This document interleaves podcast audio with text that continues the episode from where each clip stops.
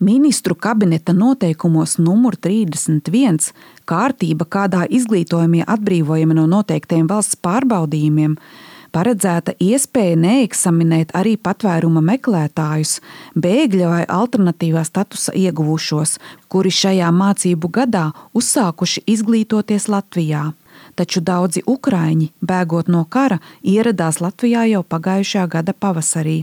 Šobrīd mūsu izglītības sistēmas aizgādībā nonākuši vairāk nekā 4000 skolēnu no Ukrainas vai 9. un 12. klašu beidzējiem, kas ir viņu vidū, arī pieļaujami šādi atvieglojumi eksāmenu kārtošanā, jautāju Izglītības un zinātnes ministrijas izglītības departamenta vecākajai ekspertei Olitai Arklei. Jau pagājušajā gadā bija atvieglojumi un varēja nekārtot eksāmenus 9. un 12. klasē. Šogad mēs esam nedaudz arī mainījuši pieeju, un eksāmenus var nekārtot 9. un 12. klasē klasē, bet var arī kārtot. Gadījumā, ja skolēni izvēlas kārtot eksāmenu, tas nozīmē, ka ir iespējams lietot ukraiņu latviešu vārnīcu. Skolēni atrodas atsevišķā telpā, lai, lai netraucētu pārējiem vai cits citam, un ir iespējas arī pagarināt uh, eksāmena kārtošanas laiku. Ja skolēns eksāmenu izlemj nekārtot vai arī nenokārto, viņam piedāvās palikt tajā pašā klasē, vai arī vienkārši saņemt liecību ja bērns, piemēram, ar ģimeni izlēms atgriezties Ukrajinā, stāsta Olitārkle. No skolām saņemtas ziņas, ka daudziem ir grūtības ar latviešu valodu, trūkstot arī latviešu valodas skolotāju, kas viņiem varētu palīdzēt. Ukraiņi uzrāda ļoti labas zināšanas matemātikā un dabas zinībās, bet daudziem pieklibojot angļu valoda. Daudz arī vakaros turpina mācības tālmācībā savā Ukraiņas skolā. Apzvanītie Latvijas izglītības iestāžu vadītāji līdz šim gan nav saņēmuši skaidru signālu, ka Ukrāņu bērniem, pat ja tie sākuši mācības tikai nesen, varētu piešķirt atbrīvojums no valsts pārbaudījumiem. Nē, tas nav tā pieņemts, ka var nekārtot.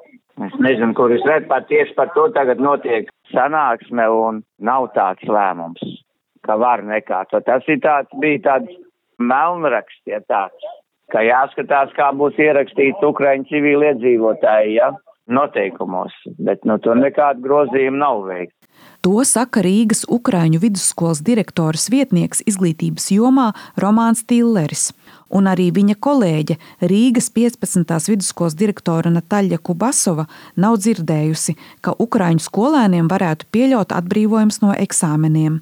Viņas vadītajā skolā šogad 12. klases beidzēju Ukrāņu bēgļu nav, bet 9. klasē mācās 12 ukrāņi. Tātad pārbaudas būs jākārto arī viņiem? Ukrāņiem it kā jā, mēs līdz galam to nezinām. Ā, nu jā, viņi nekārto, tad viņi nebūs, es domāju, ka nebūs viņiem apliecība par pamatizglītību. Izglītības un zinātnes ministrijas runas persona Olita Arkle saka, šādas neskaidrības ieviesušās tāpēc, ka Ukrāņu skolēni nemaz nav pieminēti ministru kabineta noteikumos numur 31 par kārtību, kādā izglītojumi atbrīvojami no noteiktajiem valsts pārbaudījumiem. Uz viņiem attiecas īpašs Ukrainas civiliedzīvotāju atbalsta likums, tajā, kuru katru brīdi vajadzētu tapt izmaiņām.